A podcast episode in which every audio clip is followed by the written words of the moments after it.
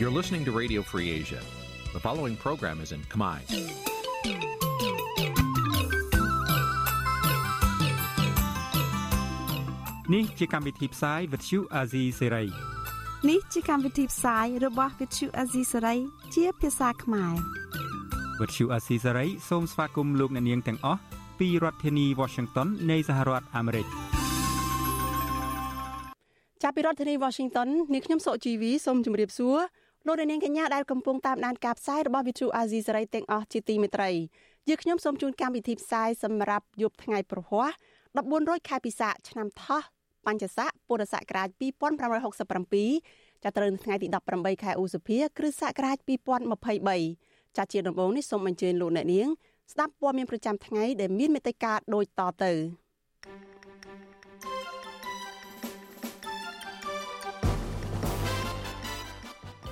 លោកហ៊ុនសែនទម្លាយរឿងវះកាត់ជំងឺធ្ងន់ធ្ងរដែលគ្មាននរណាដឹងជាច្រើនឆ្នាំមកហើយ។មន្ត្រីបកប្រឆាំងស្នើប្រទេសហត្ថលេខីនៃកិច្ចព្រមព្រៀងក្រុងប៉ារីជំរុញលទ្ធិប្រជាធិបតេយ្យនៅកម្ពុជាឲ្យរឹងមាំ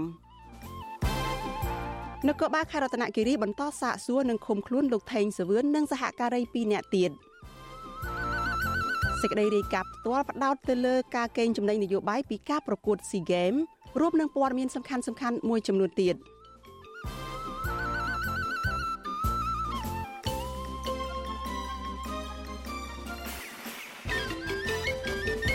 ចាស់ជាបន្តទៅទៀតនេះនាងខ្ញុំសុកជីវីសូមជូនព័ត៌មានទីនេះពិស្ដាចលនានាងជាទីមេត្រីចាតតតងនឹងប្រធានស្ដីទីគណៈបកសង្គ្រោះជាតិចាគឺលោកសំរងស៊ីចាលោកសំរងស៊ីនឹងទៅចូលរួមកិច្ចប្រជុំជាមួយនៅឯទីក្រុងយ៉ាកាតានៃប្រទេសឥណ្ឌូនេស៊ី ចាជាមួយអង្គការសង្គមស៊ីវិលនៅថ្ងៃទី19ខែឧសភាស្អែកនេះស្ដីពីលទ្ធិប្រជាធិបតេយ្យនៅក្នុងតំបន់អាស៊ីអាគ្នេយ៍ស្របពេលប្រទេសមួយចំនួននៅក្នុងតំបន់កំពុងរៀបចំការកំពុងរៀបចំការបោះឆ្នោតសកលចាលោកសំរងស៊ីនឹងថ្លែងពីដំណើរការបោះឆ្នោតនៅកម្ពុជានៅថ្ងៃទី23ខែកក្កដាខាងមុខដែលមិនមានលក្ខណៈសេរីត្រឹមត្រូវនឹងយុត្តិធម៌ក្រោមហេតុផលថា គណៈកម្មាធិការជាតិរៀបចំការបោះឆ្នោតមិនឯករាជ្យនិងការធ្វើទុកបុកម្នេញទៅលើមន្ត្រីដឹកនាំគណៈបកភ្លើងទៀនព្រមទាំងសកម្មជនជាហូហែមកទល់នឹងសប្តាហ៍ថ្ងៃនេះពីសំណាក់គណៈបកកណ្ដាលអំណាចរបស់លោកហ៊ុនសែនជាពិសេសការរារាំងមិនឲ្យបាក់ភ្លើងទៀនចូលរួមការបោះឆ្នោតតែម្ដងចាលោកសំរងស៊ីក៏នឹងជួបជាមួយតំណាងរាស្ត្រប្រទេសអូប្រទេសឥណ្ឌូនេស៊ីចំនួន3រូបផ្សេងទៀតដើម្បីជជែកគ្នាពីបញ្ហានយោបាយមួយចំនួនទៀតនៅកម្ពុជា ចាបន្ទាប់ពីកិច្ចប្រជុំនៅទីក្រុងចាកាតានេះលោកសំរងស៊ីនឹងបន្តដំណើរទៅបំពេញទស្សនកិច្ចនៅប្រទេសអូស្ត្រាលីរយៈពេលមួយសប្តាហ៍ទៀតពីថ្ងៃទី20ដល់ថ្ងៃទី28ខែឧសភាដើម្បីជួបតំណាងរាស្ត្រអូស្ត្រាលីមួយចំនួនដែលតែងតែឈឺឆ្អាលរឿងប្រជាធិបតេយ្យនិងសិទ្ធិមនុស្សនៅកម្ពុជា ក្នុងនោះជួបជាមួយនឹងមេបកប្រឆាំងចាស់ក្នុងជំនួបនោះមេបកប្រឆាំងរូបនេះគ្រងនឹងលើកឡើងពីការកើនឡើងនៃអំណាចផ្ដាច់ការរបស់លោកហ៊ុនសែន ព្រមទាំងបញ្ហាសន្តិសុខសំខាន់មួយចំនួន ដែលកំពុងប្រឈមនៅក្នុងតំបន់អាស៊ីប៉ាស៊ីហ្វិកចាស់លោកសំរងស៊ីក៏នឹងជួបសួរសុខទុក្ខប្រជាពលរដ្ឋខ្មែរដែលរស់នៅទីក្រុងមួយចំនួនដូចជានៅទីក្រុងស៊ីដនីទីក្រុងមែលប៊ននិងទីក្រុងអាដាលេដជាដើមកម្មវិធី Vithu Azizi ស្រីសម្រាប់ទូរស័ព្ទដៃអាចឲ្យលោកអ្នកនាង អានអត្ថបទទស្សនាវីដេអូនិងស្ដាប់ការផ្សាយផ្ទាល់ដោយឥតគិតថ្លៃនិងដោយគ្មានការរំខានដើម្បីអាននិងទស្សនាមេតិការថ្មីៗពី Vithu Azizi ស្រីលោកអ្នកនាងគ្រាន់តែចុចបាល់កម្មវិធីរបស់ Vithu Azizi Saray ដែលបានដំឡើងរួចរាល់លើទូរស័ព្ទដៃរបស់លោកអ្នកនាង ប្រសិនបើលោកអ្នកនាងចង់ស្ដាប់ការផ្សាយផ្ទាល់ឬការផ្សាយចាស់ចាស់សូមចុចលើប៊ូតុងរូប Vithu ដែលស្ថិតនៅផ្នែកខាងក្រោមនៃកម្មវិធីជាការស្រេច។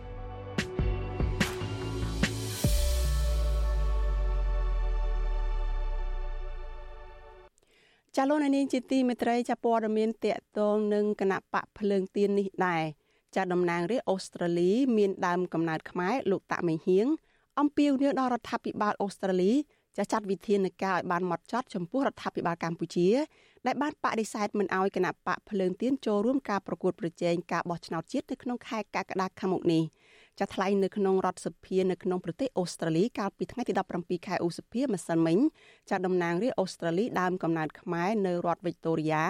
បានសម្ដែងការសោកស្ដាយចំពោះគណៈកម្មាធិការជាតិរៀបចំការបោះឆ្នោតនៅកម្ពុជា ដែលបានបដិសេធសំណើសុំចុះឈ្មោះបញ្ជីគណៈបកនយោបាយគឺគណៈបកភ្លើងទៀនដែលជាគណៈបកប្រឆាំងដ៏មានសក្តានុពលចាស់លោកតាមេងហៀងក៏បានអំពាវនាវដល់រដ្ឋាភិបាលអូស្ត្រាលីឲ្យចាត់វិធានការឲ្យបានតឹងតែងលើរដ្ឋាភិបាលកម្ពុជានិងជំរុញឲ្យគណៈបកភ្លើងទៀនអាចចុះឈ្មោះចូលរួមការបោះឆ្នោតជាតិដែលធ្វើឡើងនៅថ្ងៃ នៅខែកក្កដាឆ្នាំ2023នេះចាសសូមអញ្ជើញលោកអ្នកនាងរងចាំទស្សនាបទសម្ភាសផ្ទាល់ចាស់ជាមួយលោកតាមេហៀងនៅក្នុងការផ្សាយរបស់យើងនៅពេលបន្តិចទៀតនេះ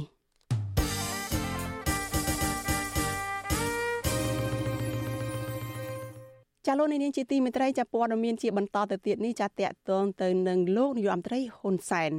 ចាលោកនាយរដ្ឋមន្ត្រីហ៊ុនសែនទម្លាយពីការវះកាត់ជំងឺរបស់លោកដែលធ្ងន់ធ្ងរកាលពីប្រមាណឆ្នាំមុន ប៉ុន្តែលោកបានព្យាយាមបិទបាំងព័ត៌មាននេះកុំឲ្យបែកធ្លាយទៅដល់ប្រជាពលរដ្ឋ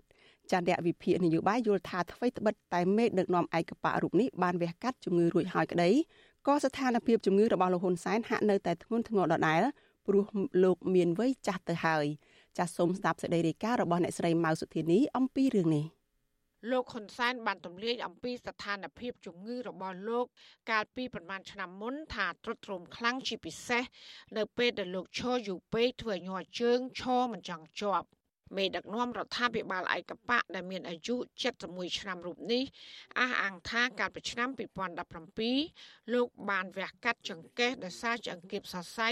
ហើយប្រើពេលវះកាត់ដល់ទៅ5ម៉ោង ការវះកាត់នេះលោកធ្វើឡើងនៅមន្ទីរពេទ្យមួយកន្លែងនៅប្រទេសសង្ហបុរីក៏ប៉ុន្តែលោកបានបិទបាំងព័ត៌មាននេះរហូតមក ដោយមិនអោយបែកធ្លាយទៅដល់ប្រជាពលរដ្ឋបានដឹងនោះឡើយ លោកហ៊ុនសែនថ្លែងនៅក្នុងពិធីប្រកាសសញ្ញាបត្រដល់និស្សិតពេទ្យដែលបញ្ចប់ការសិក្សាពីសាកលវិទ្យាល័យមួយនៅរាជធានីភ្នំពេញនៅព្រឹកថ្ងៃទី18ខែសុភាថាកាលពីឆ្នាំ2017កូនកូនរបស់លោកមិនចង់ឲ្យលោកវះកាត់នោះទេព្រោះខ្លាចលោកពិការជើងដើរមិនរួចហើយអានឹងគឺគ្រោះថ្នាក់ខ្លាំងណាស់សម្រាប់ការវះម្ដាយរបស់ណែលោកជំទាវឈុនលៀងវះ គឺគាត់គ្រោះថ្នាក់ទៅជាពិការបដ ாய் ជ្រុលដៃតែបន្តិចគឺរឿងបដ ாய் ណាអាហ្នឹងបានជាគេមិនសូវវះប៉ុន្តែខ្ញុំទៅពីនេះទៅដោយសារអេដាមប៊ិនឈិនគាត់ប្រាប់គាត់ថាបើគេណាដឹងខ្លួនឡើងសាកលបងឲ្យធ្វើចលនាអាជើងជើងឆ្វេងអញ្ចឹងពេលដែលខ្ញុំដឹងខ្លួនឡើងខ្ញុំធ្វើអាហ្នឹងគឺវាអត់អី នេះជាលើកទី1ហើយដែលលោកហ៊ុនសែនបានលាតត្រដាងពីការវះកាត់របស់ខ្លួនឲ្យមហាជនបានដឹងពីព្រោះថាកន្លងទៅ លោកតែងតែអួតអាងថាលោកមានសុខភាពល្អអាចរត់ហាត់ប្រាណលើដីរាប់សិបគីឡូម៉ែត្រកន្លងទៅប្រពន្ធរបស់លោកហ៊ុនសែនអ្នកស្រីប៊ុនរ៉ានីក៏បានទៅលួចសង់ចេតិយស្ងាត់ស្ងាត់ឲ្យលោក នៅវត្តចម្ពោះក្អែកដែរតែលោកបដិសេធមិនទទួលយក ពាក់ព័ន្ធនឹងស្ថានភាពជំងឺរបស់លោកហ៊ុនសែននេះអ្នកជំនាញដាក់ថ្នាំសន្លប់វះកាត់នៅប្រទេសបារាំងលោកវិជ្ជបណ្ឌិតសុកសុផាតលើកឡើងថាស្ថានភាពលោកហ៊ុនសែននៅពេលនេះគឺស្ថិតក្នុងដំណាក់កាលទី2គឺទី1ក្រោយពីការវះកាត់ហើយវាអាចនឹងជាសះស្បើយប៉ះសិនបើលោកគៀបសរសៃឬក៏បណ្ដាលមកពីគ្រោះថ្នាក់ចរាចរណ៍ផ្សេងផ្សេង ក៏ប៉ុន្តែលោកថាប្រសិនបើការឈឺចុកចាប់របស់លោកហ៊ុនសែនបណ្ដាលមកពីជំងឺមហារីកនោះវានឹងកាត់ឡើងជាថ្មីម្ដងទៀតនៅថ្ងៃណាមួយមិនខាន។ ព្រមហារីហ្នឹងវាវាមហារីឈឺចឹងវាពុកចឹងយល់ទេដូច្នេះយើងយកដៃយកអីយកទៅគៀបទៅទៅនេះអីអត់អត់នៅយូរទេព្រោះឆ្អឹងហ្នឹងវាផុយយូរទៅវាស្រុតដូចផ្ទះហ្នឹងតាស្រុតទៅណាវាឈឺឡើងវិញអីអីចឹងចឹងវាស៊ីសងដើមកំណើតនៃកន្លែងឈឺហ្នឹងតមកពីណែគ្រោះថ្នាក់ដោយយើងដោយយើងយើងគ្រោះថ្នាក់ក្នុងជីវិតថ្ងៃហ្នឹងឬមកពីមហារី តកតងនឹងការវះកាត់ជំងឺរបស់លោកហ៊ុនសែននេះអ្នកវិភាគនយោបាយលោកកឹមសុខមើលឃើញថាថ្មីត្បិតទៅលោកហ៊ុនសែនបានវះកាត់ចង្កេះរួចហើយក្តីក៏ស្ថានភាពជំងឺរបស់លោកហ៊ុនសែននៅតែគួរឲ្យព្រួយបារម្ភដដែល ពីព្រោះថាលោកមានវ័យកាន់តែចាស់ហើយប្រសិនបើគាត់ទម្លាយរឿងហ្នឹងហើយមានចលនានៃការទៀមទាការប្រកួតប្រជែងដោយយុតិធម៌នៅក្នុងឆ្នាំ2018គឺធ្វើឲ្យគាត់អាសន្នមែនទែន អាសន្ននៅត្រង់ថាគណៈបកសង្គ្រោះជាតិនៅពេលនោះកំពុងតែខ្លាំងដូច្នេះគណៈបកសង្គ្រោះជាតិមិនខ្លាចទេប្រសិនបើពេលនោះដឹងថាស្ថានភាពរបស់លោកហ៊ុនសែនសុខភាពនឹងអន់មែនតែននៅពេលដែលផ្ទៃក្នុងរបស់គណៈបកប្រជាជនកម្ពុជាក៏ចង់ដូរលោកហ៊ុនសែនដែរណាអញ្ចឹងហើយបានជាគាត់ខំប្រឹងលាក់ លោកកឹមសុខលើកឡើងទៀតថាការដែលលោកហ៊ុនសែននៅសុកសុកស្រាប់តែទម្លាយពីស្ថានភាពជំងឺរបស់ខ្លួននៅពេលនេះគឺដោយសារមេដឹកនាំផ្ដាច់ការរូបនេះដឹងច្បាស់ថាសប្តាហ៍នេះលោកមានលទ្ធភាពគ្រប់គ្រាន់ក្នុងការផ្ទេរអំណាចទៅឲ្យកូនប្រុសច្បងរបស់លោក ដើម្បីដឹកនាំប្រទេសបន្តដោយពុំមានការព្រួយបារម្ភអ្វីឡើយ ទោះយ៉ាងណាអ្នកវិភាគរូបនេះយល់ថាដើម្បីយកឈ្នះលោកហ៊ុនសែនក្នុងស្ថានភាពបែបនេះលុះត្រាតែក្រុមគណៈបពប្រឆាំងរួមកម្លាំងគ្នាឲ្យរឹងមាំហើយហ៊ានដឹកនាំកម្លាំងមហាជនងើបតវ៉ាដោយសន្តិវិធី ដើម្បីទាមទារលោកហ៊ុនសែនងាកមកដើរតាមកន្លងប្រជាធិបតេយ្យឡើងវិញចាននាងខ្ញុំម៉ៃសុធានីវិទ្យុអសីស្រី ប្រធានាធិបតី Washington ចាលោកនាងកញ្ញាជាទីមេត្រីលោកអ្នកកំពុងស្ដាប់វិទ្យុអាស៊ីសេរីចាប់ផ្សាយចេញពីរដ្ឋធានី Washington សហរដ្ឋអាមេរិកចាប់ព័ត៌មានតកតងនឹងកីឡា SEA Games វិញម្ដងចាព្រឹត្តិការណ៍កីឡា SEA Games លើកទី32បានបិទបញ្ចប់ហើយកាលពីថ្ងៃទី17ខែឧសភាម្សិលមិញចាព្រឹត្តិការណ៍ថ្នាក់ជាតិថ្នាក់តំបន់មួយនេះបង្កើតឲ្យមានមោទនភាពជាតិផងនិងជាការកេងចំណេញផ្នែកនយោបាយពីសំណាក់រដ្ឋាភិបាលកម្ពុជាផង តើមានរឿងរ៉ាវអ្វីខ្លះដែលជាមោទនភាពជាតិនិងអ្វីខ្លះជាកេជាការកេងចំណេញផ្នែកនយោបាយចាស់លោកយ៉ងច័ន្ទតារានឹងឡើងមកជម្រាបផ្ទាល់ព័ត៌មាននេះជូនលោកអ្នកនាងនៅក្នុងការផ្សាយរបស់យើងនៅពេលបន្តិចទៀតនេះ។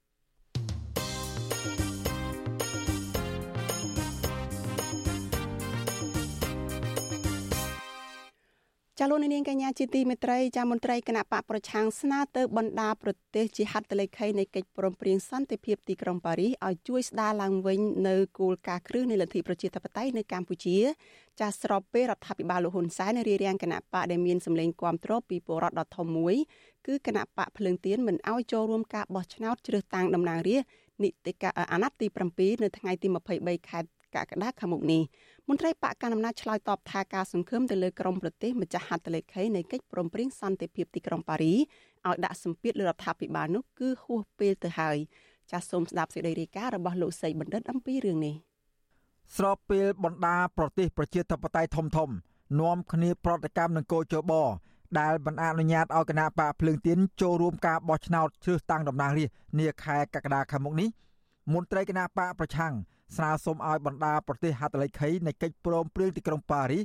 គួរតែធ្វើនៅអ្វីដែលខ្លួនបានបដិញ្ញានៅក្នុងកិច្ចព្រមព្រៀងនេះដោយជួយការពារគ្រឹះលទ្ធិប្រជាធិបតេយ្យនៅកម្ពុជាឲ្យបានរឹងមាំពិតប្រាកដដើម្បីកុំឲ្យហួសពេលអ្នកនាំពាក្យគណៈបកភ្លើងទៀនលោកកឹមសុភិរិទ្ធប្រាប់វិទ្យុអសីសេរីនៅថ្ងៃទី18ឧសភាថាក្រោយពីគណៈកម្មាធិការជ្រៀបចំការបោះឆ្នោតកោជប បដិសេធការស្នើសុំចុះបញ្ជីចូលរួមការបោះឆ្នោតនាពេលខាងមុខនេះគណៈបកនឹងដាក់ពាក្យប្តឹងតវ៉ាទៅក្រមប្រឹក្សាធម្មនុញ្ញនៅថ្ងៃទី20ខែឧសភាខាងមុខនេះប៉ុន្តែដោយសារហាក់មិនសូវមានសង្ឃឹមលើការតស៊ូតាមផ្លូវច្បាប់នេះលោកចង់ឲ្យបណ្ដាប្រទេសជាមិត្តនិងជាប្រទេសម្ចាស់ហត្ថលេខីនៃកិច្ចព្រមព្រៀងសន្តិភាពទីក្រុងប៉ារីសគិតពិចារណាឡើងវិញដើម្បីជួយស្ដារលទ្ធិប្រជាធិបតេយ្យនៅកម្ពុជាឲ្យបានរឹងមាំ ពីព្រោះគណៈបកភ្លើងទៀនជាគណៈបកដែលមានសម្លេងគាំទ្រច្រើនពីប្រជាពលរដ្ឋដែលអាចប្រកួតប្រជែងជាមួយនឹងគណៈបកប្រជាជនកម្ពុជាចង់ឲ្យមិត្តដែលជាបណ្ដាប្រទេសដែលពាក់ព័ន្ធហត្ថលេខីហើយសូមប៉ារីហ្នឹងចាប់ឡើងវិញទៅដើម្បីលទ្ធិជាផ្សាយលំមបិទកត់នៅកម្ពុជាធ្វើចូលរួមធ្វើអ្វីខ្លះកុំឲ្យវាពុះពេលណាលោកគឹមសួរភិរិទ្ធបន្តថា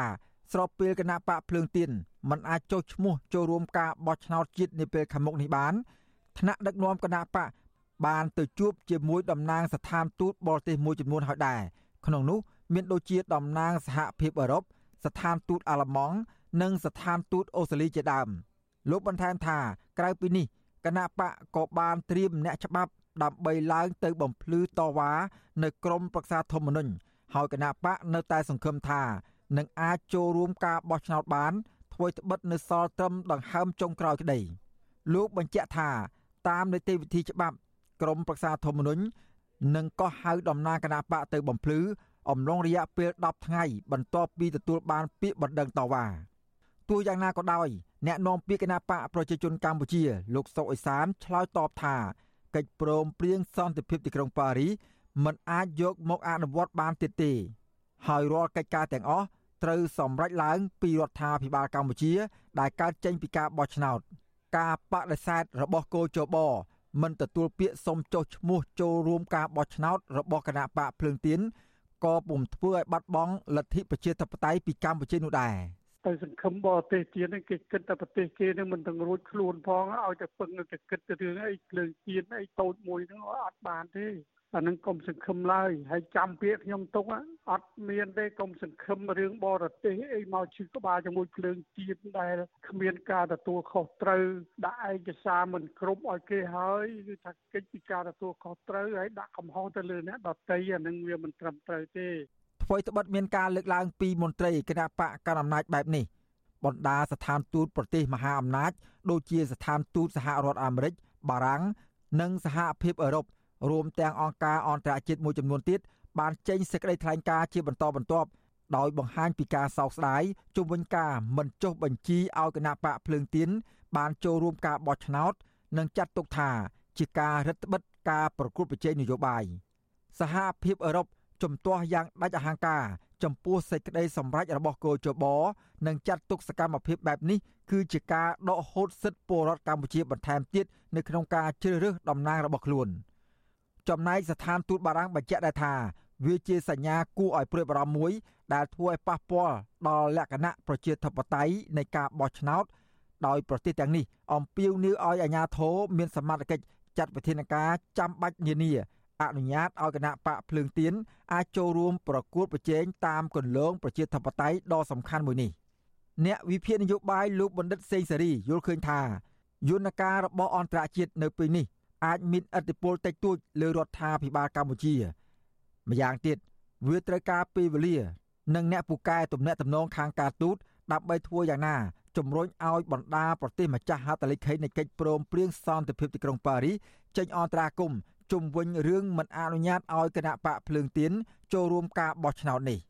យន្តការអន្តរជាតិវាជាជំរើសមួយនៅក្នុងចំណោមជំរើស ផ្សេងទៀតរបស់គណៈបកភ្លើងទៀនដើម្បីអាចចូលរួមការប្រកួតឆ្នាំ2023នេះបានក៏ប៉ុន្តែសម្រាប់ខ្ញុំខ្ញុំមើលឃើញថាយន្តការអន្តរជាតិនេះមិនមែនជាជំរើសអតិភិបសម្រាប់គណៈបកភ្លើងទៀនទេហើយយន្តការអន្តរជាតិបច្ចុប្បន្ននេះត្រូវបានគេមើលឃើញថាជាយន្តការដែលមានតិចដែលមានឥទ្ធិពលតិចតួចណាស់ទៅលើរដ្ឋាភិបាលកម្ពុជាកិច្ចព្រមព្រៀងសន្តិភាពទីក្រុងប៉ារីសឆ្នាំ1991ដើម្បីបញ្ចប់ចំនួននយោបាយនៅកម្ពុជា បានបញ្ជាក់ថា រដ្ឋធម្មនុញ្ញត្រូវប្រកាសថាកម្ពុជានឹងអនុវត្តប្រព័ន្ធប្រជាធិបតេយ្យសេរីដោយឈរលើមូលដ្ឋានពហុបកត្រូវកំណត់ឲ្យមានការបោះឆ្នោតដ៏ត្រឹមត្រូវនិងតាមកាលវេលាត្រូវអនុញ្ញាតសិទ្ធិសម្រាប់បោះឆ្នោត និងឈរឈ្មោះឲ្យគេបោះឆ្នោត តាមរបៀបបោះឆ្នោតសកល និងស្មើភាពរដ្ឋធម្មនុញ្ញក៏ត្រូវអនុញ្ញាតឲ្យមានការបោះឆ្នោតដោយសម្ងាត់ដោយតម្រូវឲ្យទម្រង់បែបបទនៃការបោះឆ្នោតត្រូវផ្ដល់ឱកាសគ្រប់គ្រាន់និងសមរម្យ ដើម្បីរៀបចំនិងចូលរួមនៅក្នុងដំណើរការបោះឆ្នោតកិច្ចព្រមព្រៀងសន្តិភាពទីក្រុងប៉ារីសក៏បញ្ជាក់ដែរថាបណ្ដាប្រទេសម្ចាស់ហត្ថលេខីទាំងអស់បានបដិញ្ញាចិត្តដ៏ជាក់លាក់ដើម្បីធានាការគោរពសិទ្ធិមនុស្សនៅកម្ពុជាគាំទ្រសិទ្ធិពលរដ្ឋខ្មែរក្នុងការលើកស្ទួយនិងការពារសិទ្ធិហើយចាត់វិធានការដ៏មានប្រសិទ្ធភាពដើម្បីធានាថានយោបាយនិងការប្រព្រឹត្តពីអតីតកាលឬចំនួនពីអតីតកាល មិនអនុញ្ញាតឲ្យវិលត្រឡប់មកកម្ពុជាវិញឡើយខ្ញុំបាទសេកបណ្ឌិតវុទ្ធុអាស៊ីសេរីពីរដ្ឋធានីវ៉ាស៊ីនតោន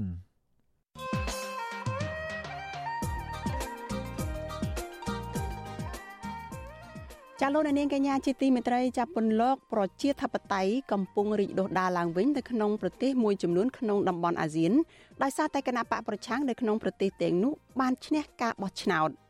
សម្រាប់នៅកម្ពុជាវិញគណៈកម្មាធិការជាតិរៀបចំការបោះឆ្នោតហៅកាត់ថាកោជបមិនអនុញ្ញាតឲ្យគណៈបកភ្លើងទៀនដែលជាគណៈបកប្រឆាំងចូលរួមការបោះឆ្នោតនៅក្នុងខែកក្កដាខាងមុខនេះតែនេះជាការសម្លាប់ប្រជាធិបតេយ្យនៅកម្ពុជាឬយ៉ាងណាចាសសូមអញ្ជើញលោកនាងរងចាំទស្សនាវេទិកាអ្នកស្ដាប់វិទ្យុអាស៊ីសេរីចាដែលនឹងជជែកអំពីបញ្ហានេះចានៅយប់ថ្ងៃសុក្រទី19ខែឧសភាស្អែកនេះកុំបីខាន ចាប្រសិនបើលោកអ្នកនាងមានចម្ងល់ចង់សាកសួរវាគ្មិនរបស់យើងឬក៏ចង់បញ្ចេញមតិយោបល់យ៉ាងណាចាសសូមអញ្ជើញលោកអ្នកនាងដាក់លេខទូរស័ព្ទរបស់លោកអ្នកនាងនៅក្នុងខ្ទង់ comment របស់ Facebook និង YouTube នៃវិទ្យុ AZ សេរីចាស់ក្រុមការងាររបស់យើងនឹងផ្ដល់ឱកាសឲ្យលោកអ្នកនាងបានចូលរួមជជែកនៅក្នុងវេទិកានៃស្ដាប់វិទ្យុ AZ សេរីនៅយប់ស្អែកនេះមិនខានឡើយចាសសូមអញ្ជើញលោកអ្នកនាងរងចាំតាមដានកិច្ចពិភាក្សានេះកុំបីខានចាសសូមអរគុណ thank you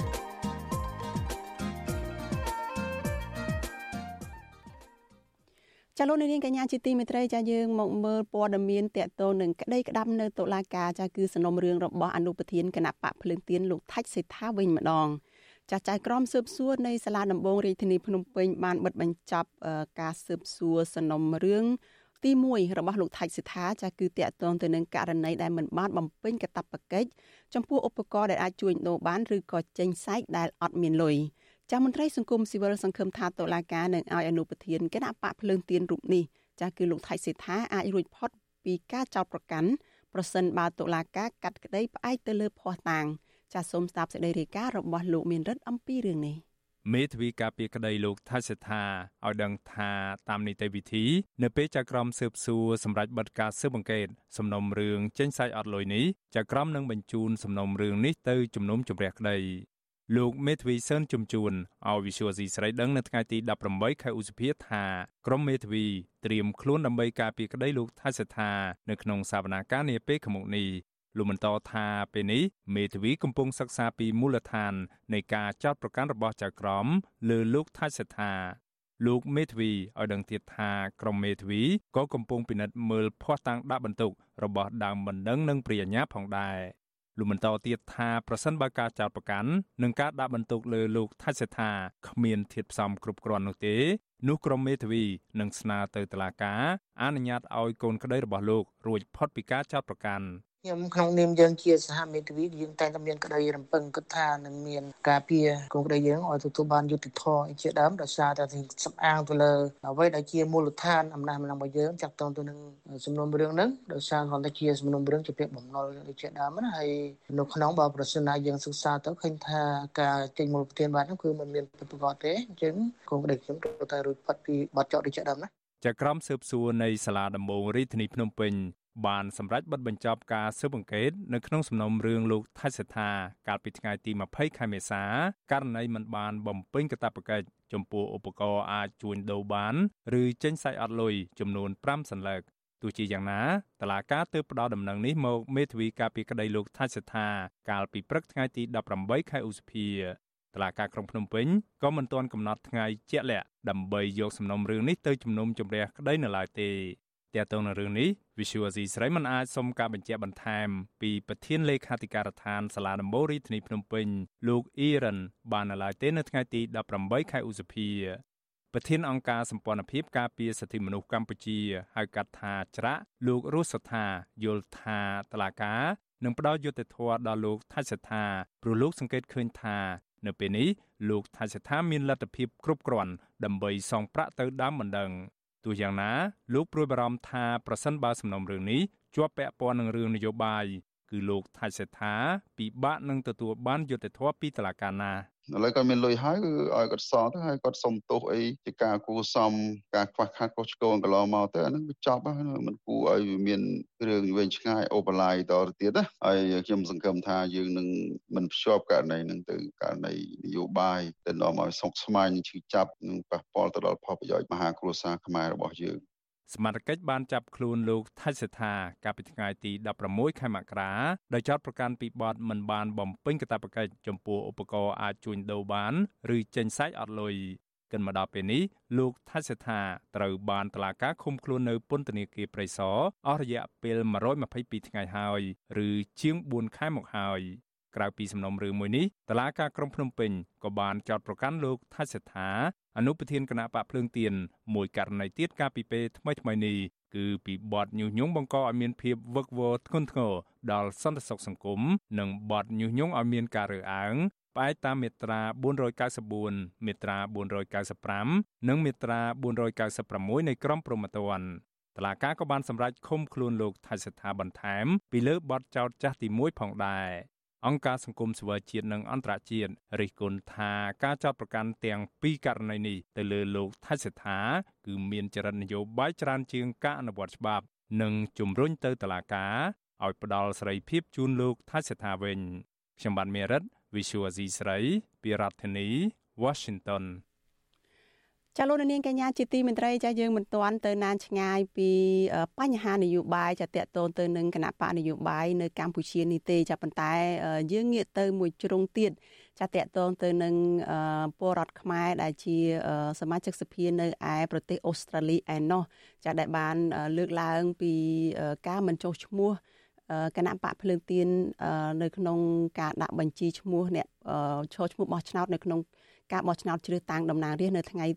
នៅខែកក្កដាខាងមុខនេះវិញចាតំណាងរាស្ត្រដើមកំណើតខ្មែរចាលោកតាក់មេងហៀងអំពាវនាវដល់រដ្ឋាភិបាលនៃប្រទេសអូស្ត្រាលីឲ្យចាត់វិធានការឲ្យបានម៉ត់ចត់ចំពោះរដ្ឋាភិបាលកម្ពុជា ដែលបានបដិសេធមិនឲ្យគណៈបកភ្លើងទៀនចូលរួមប្រកួតប្រជែងក្នុងការបោះឆ្នោតជាតិ ចាត់ថ្លែងនៅក្នុងរដ្ឋសភានៃប្រទេសអូស្ត្រាលីកាលពីថ្ងៃទី17ខែឧសភាតំណាងរាស្ត្រអូស្ត្រាលីចាដែលមានដើមកំណើតខ្មែរនៅឯរដ្ឋវីកតូរីយ៉ាបានសម្ដែងនៅការសោកស្ដាយចំពោះគណៈកម្មាធិការជាតិរៀបចំការបោះឆ្នោតហៅកាត់ថាកោជបដែលបានបដិសេធសំណើសុំចុះឈ្មោះរបស់គណៈបកភ្លើងទៀនដែលជាគណៈបកប្រឆាំងដ៏មានសក្តានុពលចាលោកតាក់មេហៀងក៏អំពាវនាវឲ្យរដ្ឋាភិបាលអូស្ត្រាលីចាត់វិធានការតឹងរឹងលើរដ្ឋាភិបាលកម្ពុជា និងជំរុញឲ្យគណៈបកភ្លើងទៀនអាចចុះឈ្មោះបោះឆ្នោតជាតិដែលរៀបចំឡើងនៅក្នុងខែកក្កដាឆ្នាំ2023ខាងមុខនេះចាស់នេះខ្ញុំមានសម្ភារផ្ទាល់មួយចាស់ជាមួយលោកតាក់មេងហៀងអំពីរឿងនេះចាស់សូមជម្រាបសួរលោកតាក់មេងហៀងពីចម្ងាយចាស់បាទសូមជម្រាបសួរពីទីក្រុងមែលប៊នផងដែរបាទចាលោកតាក់មេហៀងលោកបានលើកឡើងនៅក្នុងរដ្ឋសភានៅក្នុងប្រទេសអូស្ត្រាលីពីក្តីបារម្ភរបស់លោកចំពោះការ កោជបមិនចុះឈ្មោះបញ្ជីគណៈបកភ្លើងទៀននេះតើវិធានការអ្វីខ្លះដែលលោក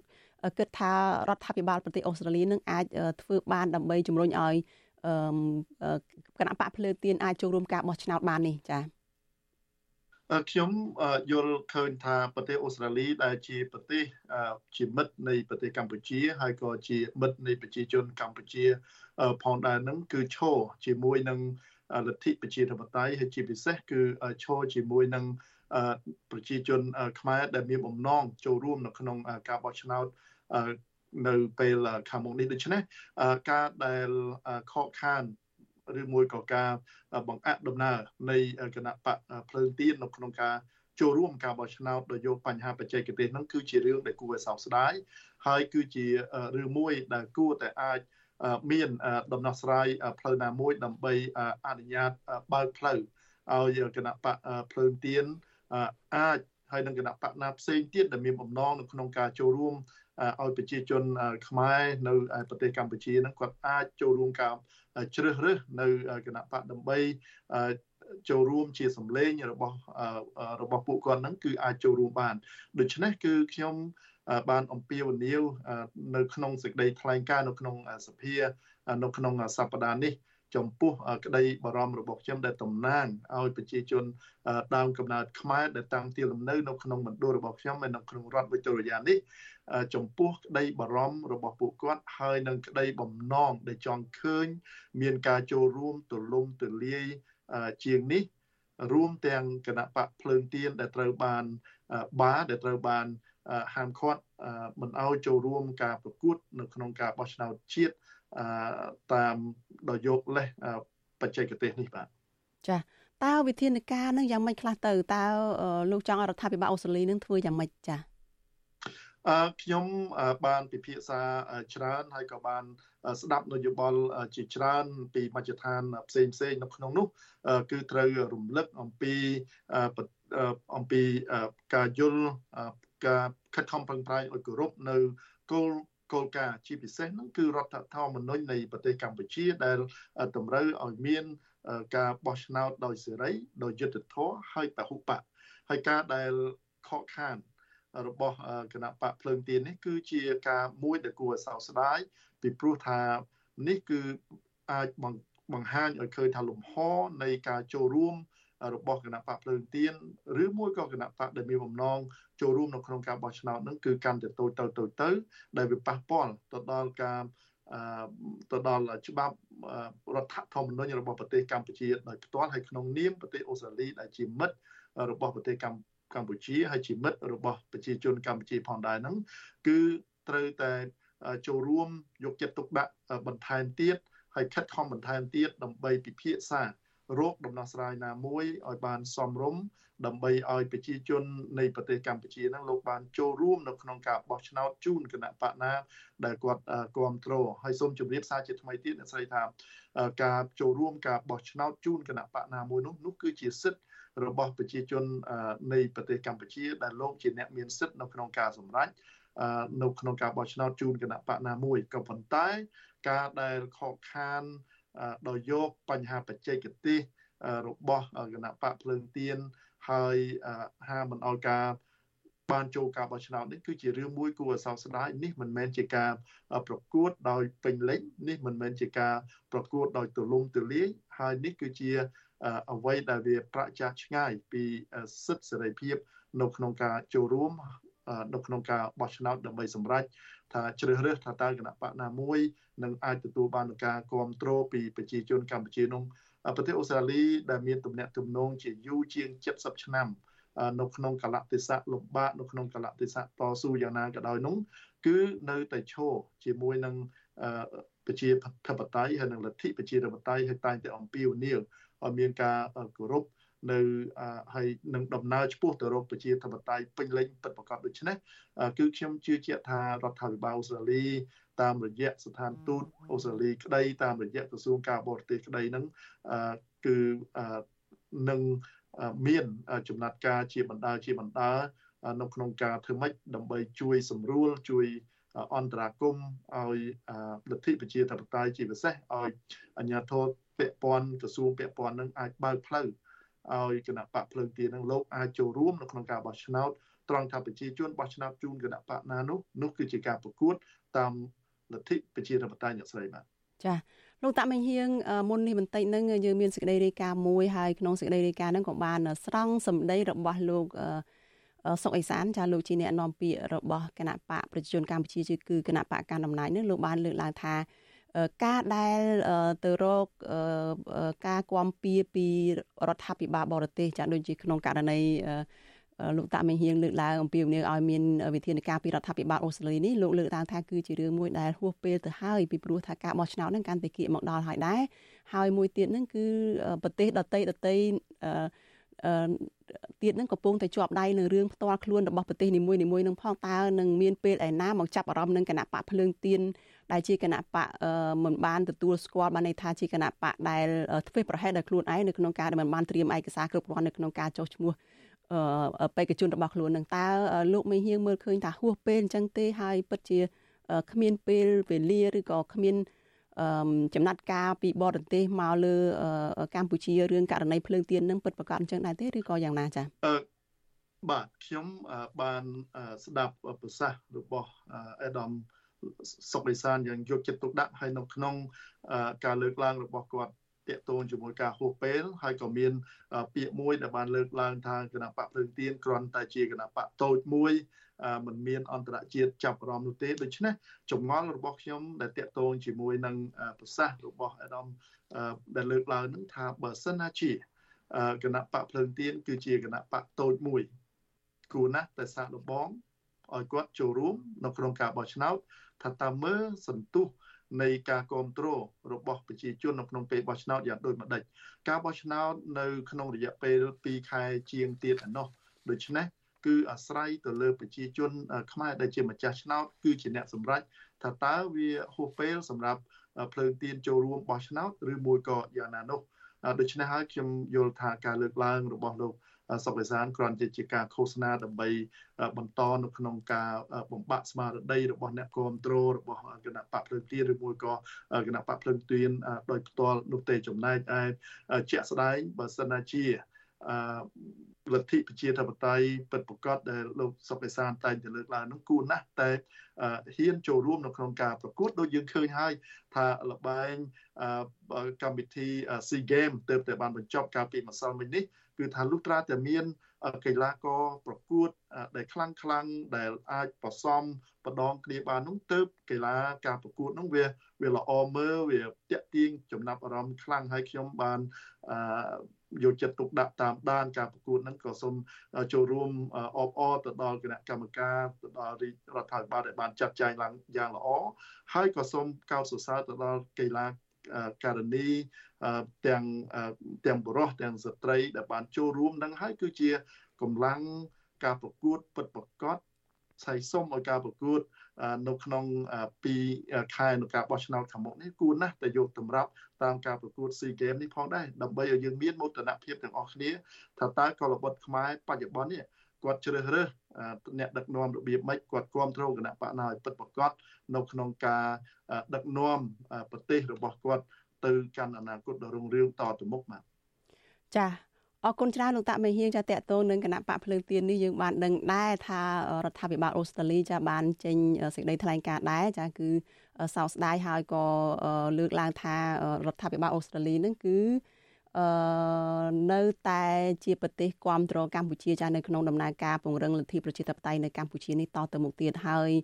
យើងនឹងតាមដានរឿងនេះទៀតថាតើរដ្ឋាភិបាលអូស្ត្រាលីនឹងនឹងមានវិធានការយ៉ាងណាហើយ ដើម្បីឆ្លើយតបទៅនឹងអ្វីដែលលោកតាមេហៀងបានលើកឡើងនៅក្នុងសភានៅថ្ងៃម្សិលមិញនេះចាអរគុណច្រើនលោកតាមេហៀងដែលបានផ្ដល់សម្ភារនៅពេលនេះចាជម្រាបលាលោកត្រឹមប៉ុណ្ណេះចាបាទសូមជម្រាបលាបាទចាលោកនាងកញ្ញាជាទីមេត្រីចាតកតងនឹងការប្រកួតកីឡាស៊ីហ្គេមចានៅពេលបន្តិចទៀតនេះចាយើងនឹងមានអ្នករាយការណ៍ព័ត៌មានរបស់វិទ្យុអាស៊ីសេរីចាគឺលោកយ៉ងច័ន្ទតារា ចាលោកនឹងឡើងមករាយការណ៍ផ្ទាល់ចាតកតងទៅនឹងការប្រកួតកីឡាស៊ីហ្គេមដែល គេអាចមើលឃើញថាកីឡានេះជំរុញឲ្យមានមោទនភាពកម្ពុជាផងហើយក៏ជាឱកាសនៃការកេងចំណេញនយោបាយរបស់គណៈបកកាន់អំណាចផងនោះចាសសូមអញ្ជើញលោកនាងរងចាំតាមដាន សេចក្តីរាយការណ៍ផ្ទាល់របស់លោកយ៉ងច័ន្ទតារានៅក្នុងការផ្សាយរបស់យើងនៅពេលបន្តិចទៀតនេះចាមុននឹងទៅបន្តព័ត៌មានជាបន្តទៅទៀតនេះចាសូមអញ្ជើញលោកនាងងាកមកទស្សនាវីដេអូខ្លីមួយចាវីដេអូខ្លីនេះគឺតាក់ទងទៅនឹងស្ត្រីគំរូនៅក្នុងមូលដ្ឋាន ចាជាស្ត្រីដែលបានតស៊ូលះបង់ដើម្បីសមាជិកគ្រួសារនិង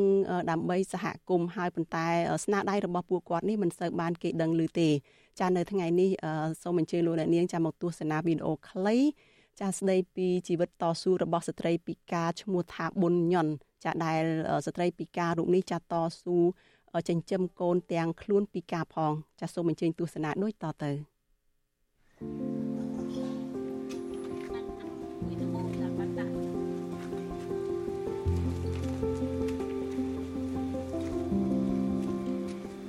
តាំងខ្ញុំលក់កលែមកនេះវា3ឆ្នាំហើយលោកគ្រូ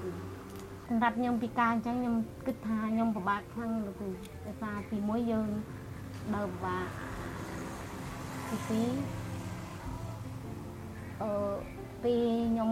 ថ្ងៃតែធ្វើអុយរៀងនេះវាហត់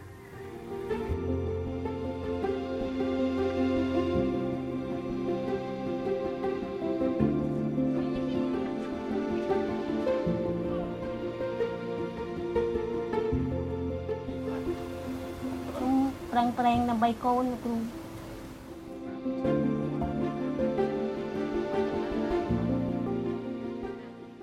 ចង់ឲ្យគិតរៀនស្កលចប់ហើយនឹងគិតរកការងារអីធ្វើគឺធ្វើខ្លួនគិតត្រាញ់ខ្លួនគិតនិយាយទៅអាការរៀនសូត្រនឹងវាមានតម្លៃខ្ពស់លោកគ្រូបើយើងអត់ចេះអក្សរ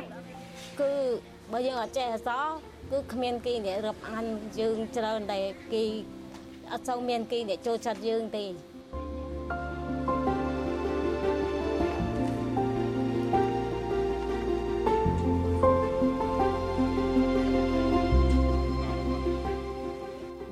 ញកូនចុះទៅខ្ញុំមានអារម្មណ៍ស្បែកចិត្តមានអារម្មណ៍រំភើប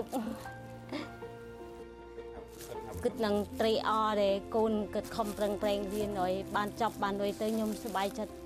ជំនួសគាត់ចាជួយលើកទឹកចិត្តគាត់ឲ្យគាត់ខំតស៊ូដើម្បីខ្លួនគាត់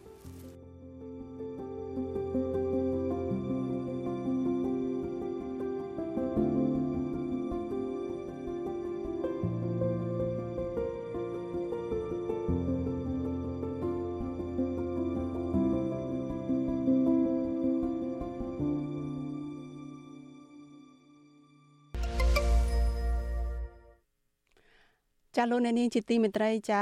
លោកស្រីប៊ុនញ៉ុនដែលជាស្ត្រីពិការនេះចាគឺជាស្ត្រីគំរូចាហើយប្រសិនបើលោកអ្នកនាងបានស្គាល់ស្ត្រីគំរូឬក៏មានស្ត្រីគំរូណាម្នាក់នៅក្នុងចិត្តចាសូមអញ្ជើញលោកអ្នកនាងចាណែនាំមកកាន់វិទ្យុអាស៊ីសេរីចាហើយដោយប្រាប់ឈ្មោះនិងលេខទូរស័ព្ទរបស់ពួកគាត់ចាក្រុមការងាររបស់វិទ្យុអាស៊ីសេរីនឹងតាក់ទងទៅពួកគាត់ដើម្បីផលិតជាវីដេអូខ្លីចាប់ផ្សព្វផ្សាយពីការតស៊ូរបស់ពួកគាត់ ចាលោកនាងជាទីមេត្រីចាយើងងាកមកព័ត៌មានតាក់ទងទៅនឹងអង្គការសង្គមស៊ីវិលមន្ត្រីអង្គការសង្គមស៊ីវិលដែលត្រូវតុលាការឃុំខ្លួនឯណោះវិញចាកងកម្លាំងសមត្ថកិច្ចនៅក្នុងខេត្តរតនគិរីបាននាំខ្លួនប្រធានសហព័ន្ធសហគមន៍កសិករកម្ពុជាលោកថេងសាវឿននិងសហការី2នាក់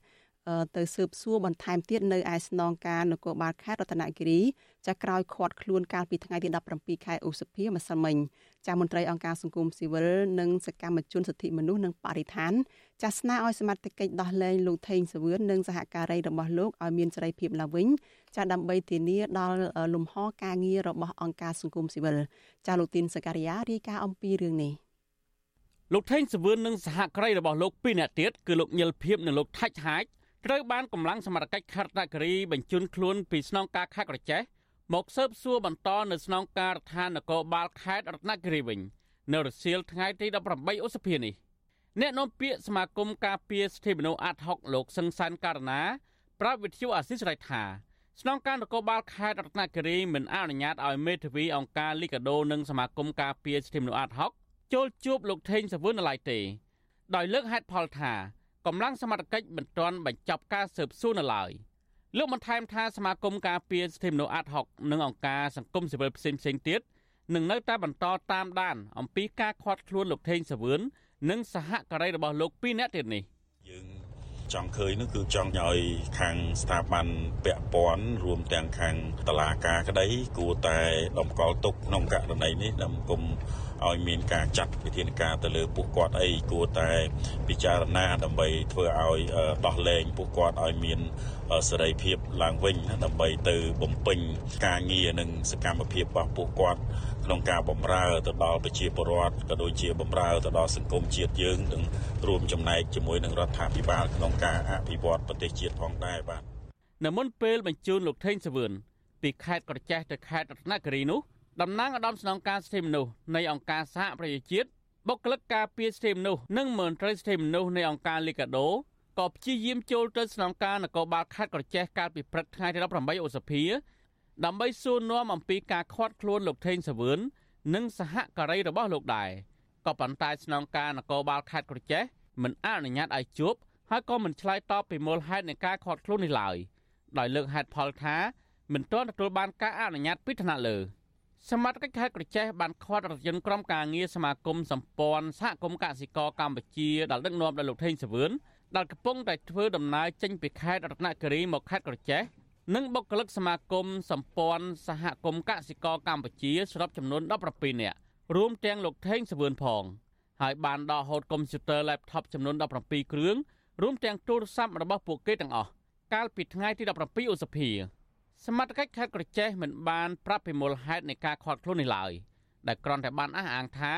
ការខាត់ខ្លួននេះគឺធ្វើឡើងតាមសំណើរបស់ស្នងការខេត្តរតនគិរីតែប៉ុណ្ណោះទោះជាយ៉ាងណាក្រោយពីសាកសួរពេញមួយល្ងាចសមត្ថកិច្ចខេត្តក្រចេះបានដោះលែងបុគ្គលិកសមាគមសម្ព័ន្ធសហគមន៍កសិករកម្ពុជាចំនួន14នាក់វិញ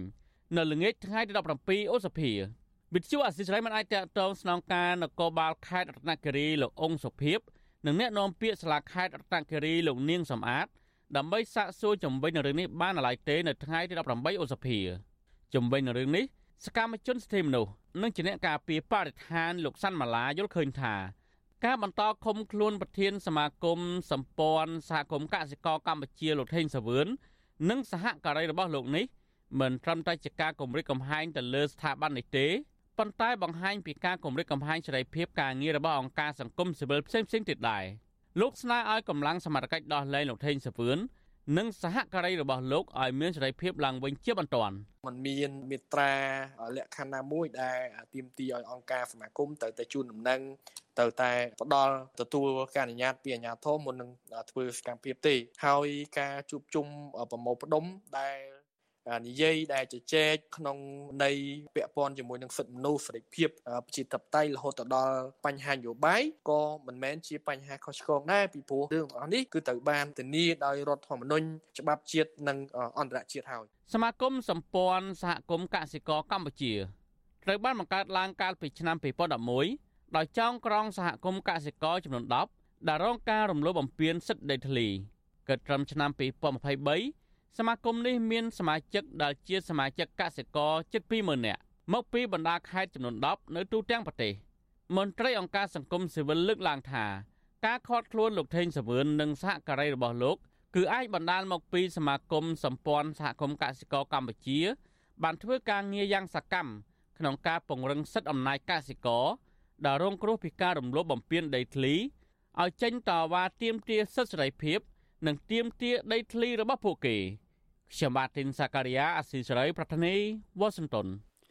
ចាលោកនាងជាទីមេត្រីចាព័ត៌មានតកតងនឹងការរងអំពើហិង្សារបស់សកម្មជនគណៈបកសកម្មជនគណៈបកនយោបាយចានៅមុនការបោះឆ្នោត នៅក្នុងឆ្នាំ2023នេះវិញចាអ្នកគាំទ្រគណៈបកប្រឆាំងនៅតែបន្តរងអំពើហិង្សាពីជនមិនស្គាល់មុខជាបន្តបន្ទាប់នៅក្នុងទម្រង់ស្រដៀងស្រដៀងគ្នាចាគិតមកដល់ពេលនេះមានជនរងគ្រោះប្រមាណ50នាក់ហើយដែលរងអំពើហិង្សារហូតដល់អ្នកខ្លះបានស្លាប់និងអ្នកខ្លះទៀតត្រូវពីការអស់មួយជីវិតចាសសូមទស្សនាសេចក្តីរាយការណ៍របស់លោកសនចន្ទរដ្ឋាអំពីរឿងនេះដូចតទៅ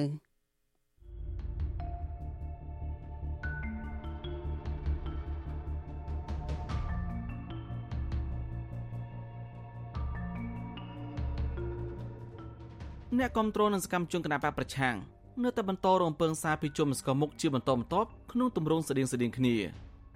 ថ្មីថ្មីនេះសន្តិសុខគណបកភ្លើងទៀនម្នាក់ត្រូវបានជនស្គាល់មុខមួយក្រុមព្រួតវាយអរបធ្ងន់ក្រោយពីត្រឡប់ពីខ្លំមើលថ្នាក់ដឹកនាំគណបកភ្លើងទៀនដែលឯកសារបន្ថែមទៅកោចបមន្ត្រីសន្តិសុខគណបកភ្លើងទៀនលោកខុនស៊ីថារៀបរាប់ថាជនឯកដប្រាដៃរលាស់វាដំក្បាលនឹងដៃរបស់លោកបណ្ដាលោករងរបួសដៃខាងឆ្វេងជួរងគ្រោះ ចាត់ទុកទង្វើនេះថាជាការគម្រាមកំហែងផ្នែកនយោបាយនិងអំពាវនាវអាញាធរស្វែងរកជនឯកមកប្រន្ទាទោសតាមផ្លូវច្បាប់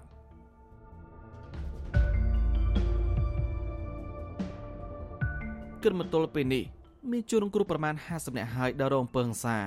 រហូតមានអ្នកខ្លះស្លាប់និងខ្លះទៀតពិការអស់មួយជីវិត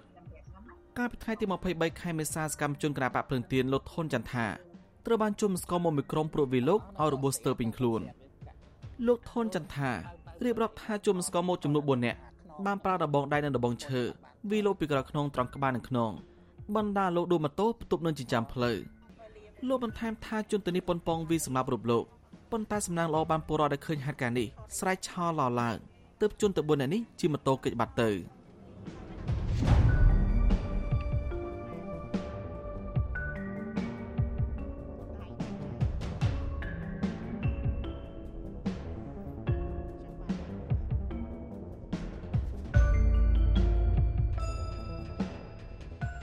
អំពើងសាក្នុងទម្រង់ដូចគ្នានេះក៏បានកាត់ឡើងលើយុវជនគណបកភ្លើងទៀមម្នាក់ទៀតលោកគៀតសុចាន់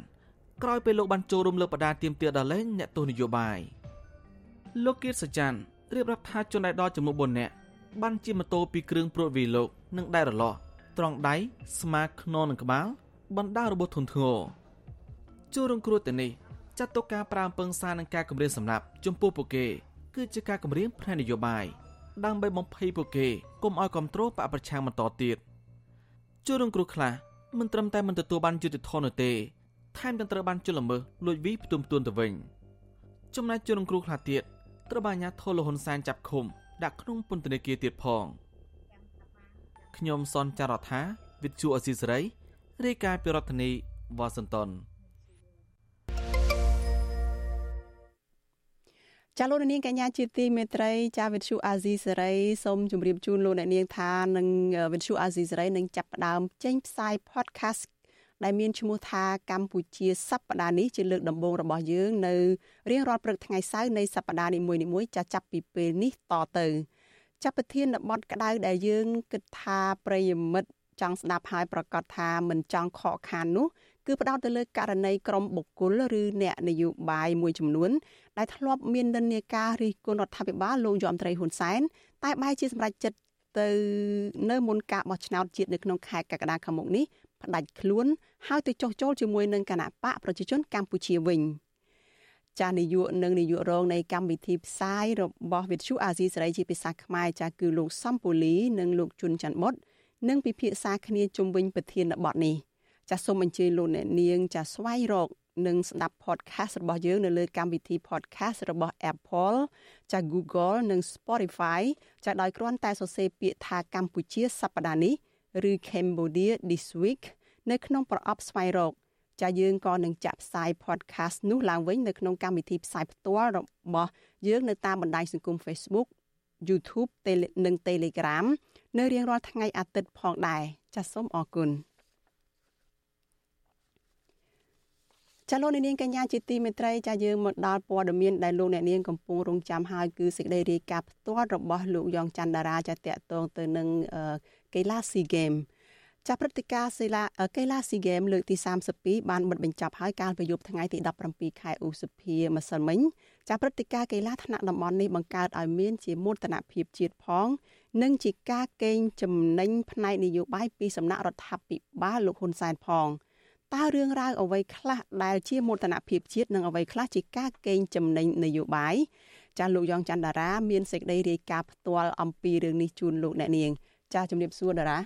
បាទសូមជម្រាបសួរអ្នកស្រីសុជីវីនិងប្រិយមិត្តអ្នកស្ដាប់វិទ្យុអាស៊ីសេរីទាំងអស់ជាទីមេត្រីបាទចាតារា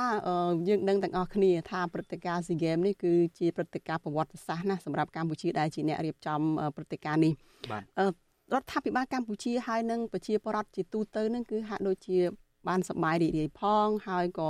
បង្ហាញនៅទឹកចិត្តស្រឡាញ់កីឡាផងហើយលើសពីនេះទៅទៀតហ្នឹងក៏បង្ហាញថាអូមានមោទនភាពជាតិណាស់តកតទៅនឹងការចូលរួមប្រកួតកីឡាការអបអរសាទរការប្រកួតកីឡានេះប៉ុន្តែតើចំពោះតារាវិញតារាយល់ឃើញយ៉ាងណាចំពោះរឿងរ៉ាវនេះចាំមានការលើកឡើងផងដែរថា មានការកេងចំណេញអីនយោបាយអីផងហ្នឹងចា៎បាទ អរគុណអ្នកស្រីសុជីវីខ្ញុំបាទសូមអរគុណដែលអ្នកស្រីសុជីវីបានផ្ដល់ឱកាសខ្ញុំដើម្បីរៀបរាប់ដោយសង្ខេបឡើងវិញទាំងអស់នៅព្រឹត្តិការណ៍កម្មវិធីព្រឹត្តិការណ៍កីឡា SEA Games ដែលទើបតែបញ្ចប់កាលពីម្សិលមិញនេះហើយខ្ញុំបាទសូមជម្រាបជូនលោកអ្នកនាងថាកម្មវិធី SEA Games ដែលទើបតែបញ្ចប់ម្សិលមិញនេះគឺថាជាប្រវត្តិសាស្ត្រហើយសម្រាប់កម្ពុជាគឺជាលើកដំបូងហើយក្នុងរយៈពេល64ឆ្នាំនៃប្រវត្តិកីឡា SEA Games នឹង ហើយសម្រាប់រដ្ឋាភិបាលប្រជាជាតិខ្មែរទាំងមូលហើយរួមទាំងខ្ញុំបាទផងដែរនឹងក៏មានមោទនភាពចំពោះការប្រព្រឹត្តទៅនៅកីឡាហ្នឹងមានមោទនភាពដោយសារតែយើងបានឃើញនៅក្រមអតពលិករបស់ខ្មែរយើងហ្នឹងគឺទទួលបានមេដាយច្រើននៅក្នុងព្រឹត្តិការណ៍លើកនេះបើយើងសរុបទាំងអស់តែម្ដងទៅគឺថាមេដាយដែលកម្ពុជាទទួលបានហ្នឹងគឺមានសរុបទាំងអស់ហ្នឹងគឺ282គ្រឿង 282គ្រឿងហ្នឹងគឺក្នុងហ្នឹងគឺមានមេដាយមាសចំនួន81មានមេដាយប្រាក់74គ្រឿងហើយនិងមេដាយសំរឹទ្ធចំនួន127គ្រឿង តួលេខនេះបើយើងសរុបមើលទៅ គឺជាតួលេខដែលធ្វើឲ្យកម្ពុជានឹងឈរនៅក្នុងចំណាត់ថ្នាក់លេខ4នៃប្រទេសដែលទទួលបានមេដាយមាសច្រើនជាងគេហើយខ្ញុំបាទសូមជម្រាបជូនលោកអ្នកនាងថាចំណាត់ថ្នាក់នេះគឺជាចំណាត់ថ្នាក់ល្អបំផុតហើយដែលកម្ពុជាអាចធ្វើបានបើយើងគិតពី ឆ្នាំ1995នៅពេលដែលកម្ពុជាចាប់ផ្ដើមចូលប្រកួតនៅក្នុងកីឡា SEA Games ហ្នឹងគឺថាយើងតែងតែឈរនៅលេខរៀង ចុងចុងឯណោះបើយើងមើលទៅគឺលេខ8លេខ9ហើយមានម្ដងនោះគឺក្នុងឆ្នាំ1997នេះគឺថាយើងអត់បានមេដាយសោះតែម្ដងគឺថាជាចំណាត់ថ្នាក់ចុងក្រោយគេលេខ10ហើយគឺมันបានសំបីតែមេដៃសម្រិតមួយហ្នឹងក៏យើងអត់បានដែរដូច្នេះនេះអាចរាប់ថាជា ប្រវត្តិសាស្ត្រសម្រាប់ប្រទេសកម្ពុជាហើយដែលយើងអាចដណ្ដើមបានមេដាយច្រើនហើយយើងអាចឈរនៅលើប្រទេសខ្លាំងខ្លាំងមួយចំនួនដែលមានដូចថាមានការរីកចម្រើនខាងវិស័យកីឡាដូចជាហ្វីលីពីនដូចជាសិង្ហបុរីឬមួយក៏ម៉ាឡេស៊ីជាដើម ហើយបើយើងងាកមកចាប់អារម្មណ៍ទៅនឹងប្រទេសដែលទទួលបានមេដាយមាសច្រើនជាងគេនៅក្នុងលេខរៀងទី1នេះគឺប្រទេសវៀតណាមវៀតណាមឈរនៅលេខរៀងទី1នេះគឺគាត់ទទួលបានមេដាយមាសហ្នឹង136គ្រឿងប្រទេសថៃឈរនៅលេខរៀងទី2បានមេដាយមាសចំនួន108គ្រឿងហើយនឹងឥណ្ឌូនេស៊ីបានលេខ3ដែលទទួលបានមេដាយមាសហ្នឹងចំនួន87គ្រឿង ហើយខ្ញុំបាទសូមជម្រាបជូនលោកអ្នកនាងអំពីតួលេខជាក់លាក់ចុងក្រោយមួយតកតងទៅនឹងប្រតិភូកីឡាក្រុមកីឡាករអ្នកបច្ចេកទេសគ្រូបង្វឹកហើយនិងមន្ត្រីបច្ចេកទេសមន្ត្រីអាជ្ញាកណ្ដាលអីទាំងអស់ហ្នឹងគឺបើតាមការបញ្ជាក់របស់លោកថោងខុនចុងក្រោយហ្នឹងគឺថាសរុបទាំងអស់មានចំនួន11890នាក់ ដែលបានមកចូលរួមនឹងហើយប្រកួតលើវិញ្ញាសាសរុបនឹងគឺ579វិញ្ញាសាលើប្រភេទកីឡាចំនួន36ប្រភេទនេះគឺជាតួលេខចុងក្រោយនៃព្រឹត្តិការណ៍កីឡាស៊ីហ្គេមនឹងហើយជាអារម្មណ៍ត្រេកអរមួយទៀតជាការសប្បាយចិត្តមួយទៀតរបស់ប្រជាពលរដ្ឋខ្មែររួមទាំងខ្ញុំផងដែរនឹងគឺឃើញថាមានអ្នកស្ម័គ្រចិត្ត ជាច្រើនរាប់ទាំងសិល្បករអ្នកអត្ថាធិប្បាយកម្មវិធីព័ត៌មានអ្នកអត្ថាធិប្បាយកីឡាអីហ្នឹងគឺថាគាត់ចូលរួមស្ម័គ្រចិត្តនៅក្នុងការជួយឲ្យដំណើរការកម្មវិធីហ្នឹងប្រព្រឹត្តទៅបានហើយក៏មានយុវជនរាប់ពាន់អ្នកដែរដែលចូលរួមស្ម័គ្រចិត្តហ្នឹងហើយក៏អរគុណផងដែរហ្នឹងគឺថាជាមួយនឹងអ្នកដែលគាត់សំបីតែអ្នកអនាម័យអ្នកអីហ្នឹងក៏គាត់ចូលរួមច្រើនដែរណានៅពេលដែលមនុស្សរាប់ពាន់រាប់ម៉ឺនអ្នកសម្រុកទៅមើលកីឡានៅរាជធានីភ្នំពេញគឺថាប្រជាពលរដ្ឋមួយក្រុមទៀតដែលជាអ្នកបោសសម្អាតដែលជាអ្នក ធ្វើអនាម័យនៅតាមផ្លូវហ្នឹងគឺគាត់ជួយសម្អាតបរិស្ថានអីនឹងបានច្រើនមែនទែនហើយនឹងអ្នកពាក់ព័ន្ធដទៃទៀតអាចថានេះគឺជាព្រឹត្តិការណ៍មួយដែលនាំឲ្យមានស្មារតីឬមួយក៏ការសាមគ្គីជាតិមួយសម្រាប់ប្រជាជាតិខ្មែរនឹងបាទស្រីសុជីវីចាគឺកម្ពុជាជាម្ចាស់ផ្ទះរៀបចំកិច្ចរៀបចំព្រឹត្តិការណ៍ជាជាជាថ្នាក់តំបន់ហើយទាំងពលរដ្ឋទាំងអ្នកដែលចូលរួមជាកីឡាករអីហ្នឹងគឺសិតតែធ្វើដើម្បីជាតិទាំងអស់ចា តកតងទៅនឹងភាពចម្រូងចម្រាសវិញតារានៅក្នុងព្រឹត្តិការណ៍នេះគឺមានភាពចម្រូងចម្រាសដែរជាពិសេសរឿងមួយដែលតកតងទៅនឹងការដែលកម្ពុជាមិនយកថ្លៃអ្វីអ្វីទាំងអស់ពីប្រតិភូកីឡាពីការផ្សព្វផ្សាយ